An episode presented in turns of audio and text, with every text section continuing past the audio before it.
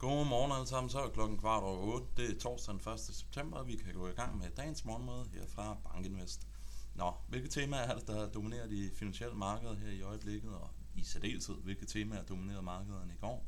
Jamen først og fremmest så fik vi jo europæiske inflationstal. De overraskede måske lidt meget, hvis du tager alle decimalerne med, lidt på, på opsiden. Men det, det i hvert fald viser, det er, at vi har en europæisk inflation, som ikke i samme grad som den amerikanske inflation synes at komme på, eller falde nedad. Så isoleret set, så ligger der altså lidt pres på ECB i øjeblikket. På den lidt mere positive side, jamen, så kan vi konstatere, at initial jobless claims fra USA, de forbliver på lave niveau. De falder faktisk lidt tilbage, og det indikerer altså, at arbejdsmarkedet, selvom det bremser op en lille bit smule i øjeblikket, så er det altså ikke ved at falde ud af sengen. I hvert fald mål på den parameter. Så så vi relativt store fald i de lange renter, i særdeleshed den tyske 10-årige faldt ret kraftigt i går. Og dykker vi lidt ned under overfladen på aktiemarkedet, så så vi en relativt kraftig cyklisk rotation. Jeg kommer lidt tilbage til det senere i den her præsentation, men det var altså et lidt spøjst marked, hvor den eneste faktor, i hvert fald af dem, som vi følger i det her morgenmøde, den, øh, der endte i plus, det var de cykliske aktier. Og så kan vi konstatere, at VIX-indekset, det er altså nu tilbage på de her juni og juli niveauer, som vi havde, hvor øh, de var meget, meget lave. Så det er altså et optionsmarked, som virkelig ikke synes at frygte øh, det efterår, som vi nu er lige så langsomt er på vej ind i. Og det er faktisk det, jeg har her på slide nummer 3, hvor jeg viser øh, VIX-indekset. 13,6, altså igen, det er altså de niveauer, som vi havde op igennem juni og juli måned, hvor aktier bullerede sted, og der stort set ikke var frygt for noget som helst. Der er vi altså tilbage i øjeblikket. Så imponerende bevægelse, som vi ser på den parameter.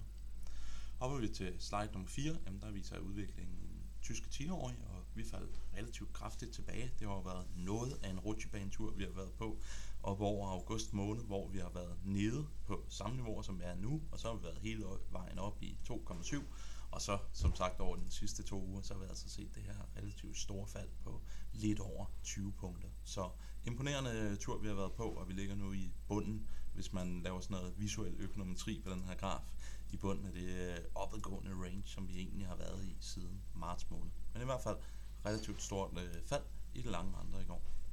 Og så snakkede jeg om, at det var en lidt spøjs øh, faktor performance, og først og fremmest så kan vi jo lige konstatere, at S&P 500 det endte i minus i går, og øh, Nasdaq-indekset det endte altså med et, et lille plus, drevet af, at alle de her store big tech-selskaber, ex Microsoft, de endte altså med positiv afkast. Men ser vi på det på det klassiske faktorerbillede, jamen, så kan vi altså se, at defensive aktier og low vol aktier, de havde en, en ret dårlig dag og endte faktisk med afkast, der var større end minus 0,6.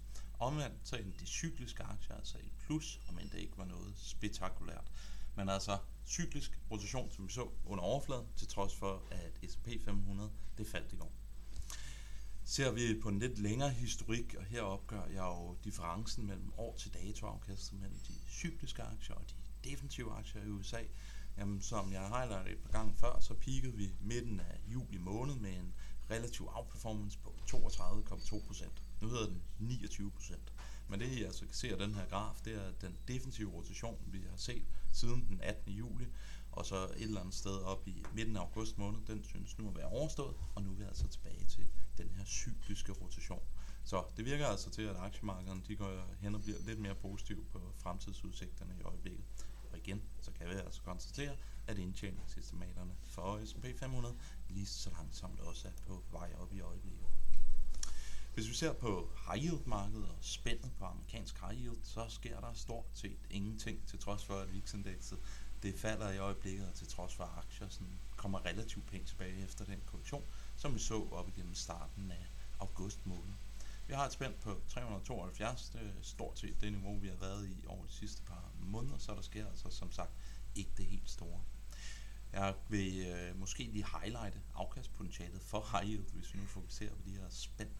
Det var, at da vi øh, bundet ud øh, i slutningen af december måned 2021, så var der altså et spænd, der hed 271. Med en varighed på det her indeks, som er cirka 5 år, jamen så betyder det altså, at hvis vi skal tilbage til de her bundniveauer, så skal der altså være 5% til afkast isoleret set fra spændingsstemning, og det er jo måske ikke super meget.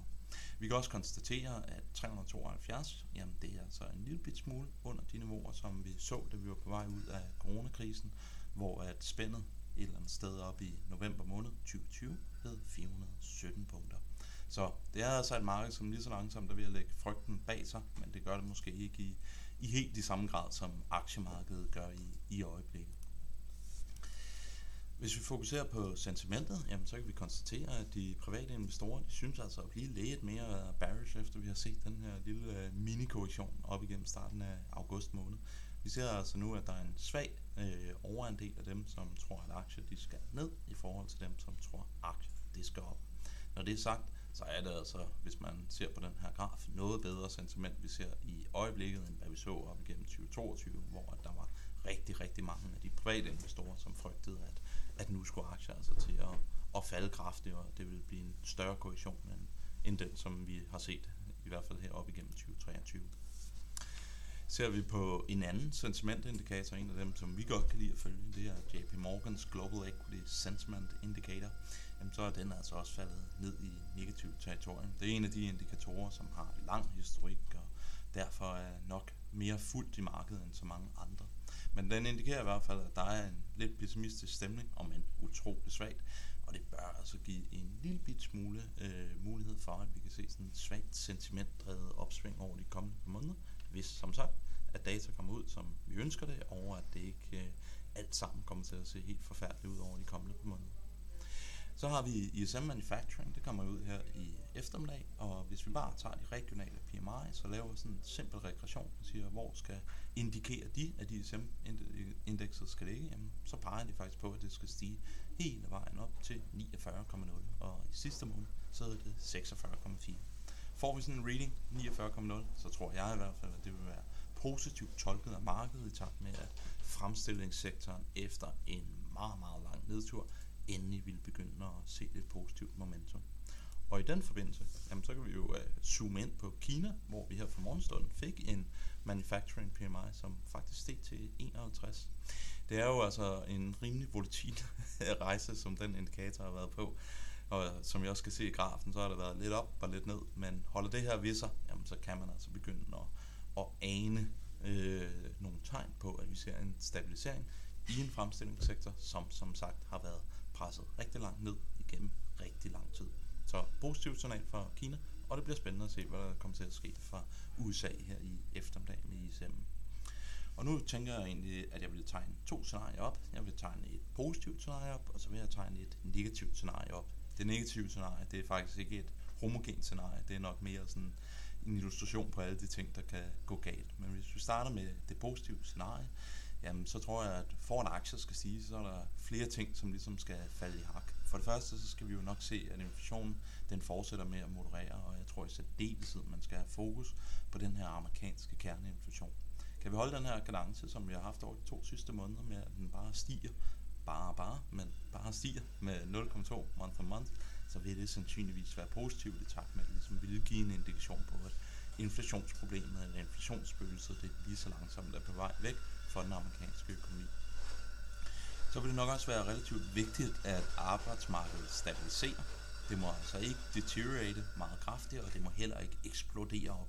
Jeg tror ikke, vi skal have alt for mange af de her ADP-rapporter, som vi har haft over de to sidste måneder, hvor vi næsten har set en halv million nye i beskæftigelse for den amerikanske økonomi. Det er nok lidt for meget, og hvis vi ser dem, jamen, så vil det altså lægge pres på Fed for at stramme pengepolitikken yderligere. De vil jo gerne se, at arbejdsmarkedet svækkes. Så hvis vi skal tegne op, hvad er en stabilisering i arbejdsmarkedet set i vores øjne, jamen så er det initial jobless claim, som nok ligger i et eller andet sted omkring de nuværende niveauer. Det er også nogle lønninger, som forhåbentlig kan komme ned en lille bit smule, og så er det altså sådan beskæftigelsesvækst, som ligger et eller andet sted mellem 150 og 200.000. Så vil det også være positivt og nok også påkrævet, at fremstillingssektoren begynder at få lidt momentum. Og igen, vi får ISM i dag. Det har, som jeg også highlightede i onsdags, været en meget, meget lang nedtur, vi har været vidne til i, i den indikator. Kunne vi begynde at se det positivt momentum, og den begynder at stige, så vil det også være positivt, og det vil altså øge sandsynligheden connectet sammen med en stabilisering af arbejdsmarkedet og faldende inflation, for at vi går ind i det, som vi populært sagt kalder øh, et Goldilocks-scenarie. Og sker alt det her, jamen så forventer jeg i hvert fald, at sentimentet det går hen og bliver bullish.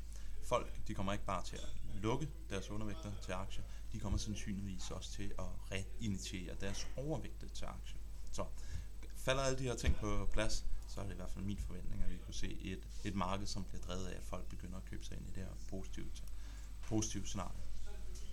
Nå, hvad kan der så ske på den negative øh, scenarie, for det er jo altså ikke svært at se de sorte skyer på horisonten. Først og fremmest så kan der altså stadigvæk vælte en masse skeletter ud af, af skabet, om det er i form af andre banker, der skal gå ned, eller om det er i form af ejendomsudviklere her i de vestlige markeder, eller i Kina. Jamen det lader vente og se, hvad det er, der kommer til at ske. Så er der altså også et risikoscenarie, at inflationen den begynder at hoppe op igen. Sker det, jamen så vil det lægge pres på Fed, så kan vi se ind i yderligere pengepolitiske stramninger, og det tror jeg, at aktiemarkedet på de nuværende valuations vil have rigtig svært ved at håndtere.